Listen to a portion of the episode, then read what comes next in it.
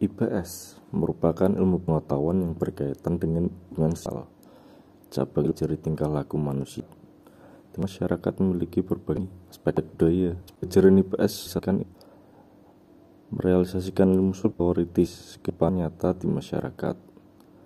Oleh karenanya, secara substimasi, materi IPS di tingkat persekolahan mengintegrasi berbagai ilmu dalam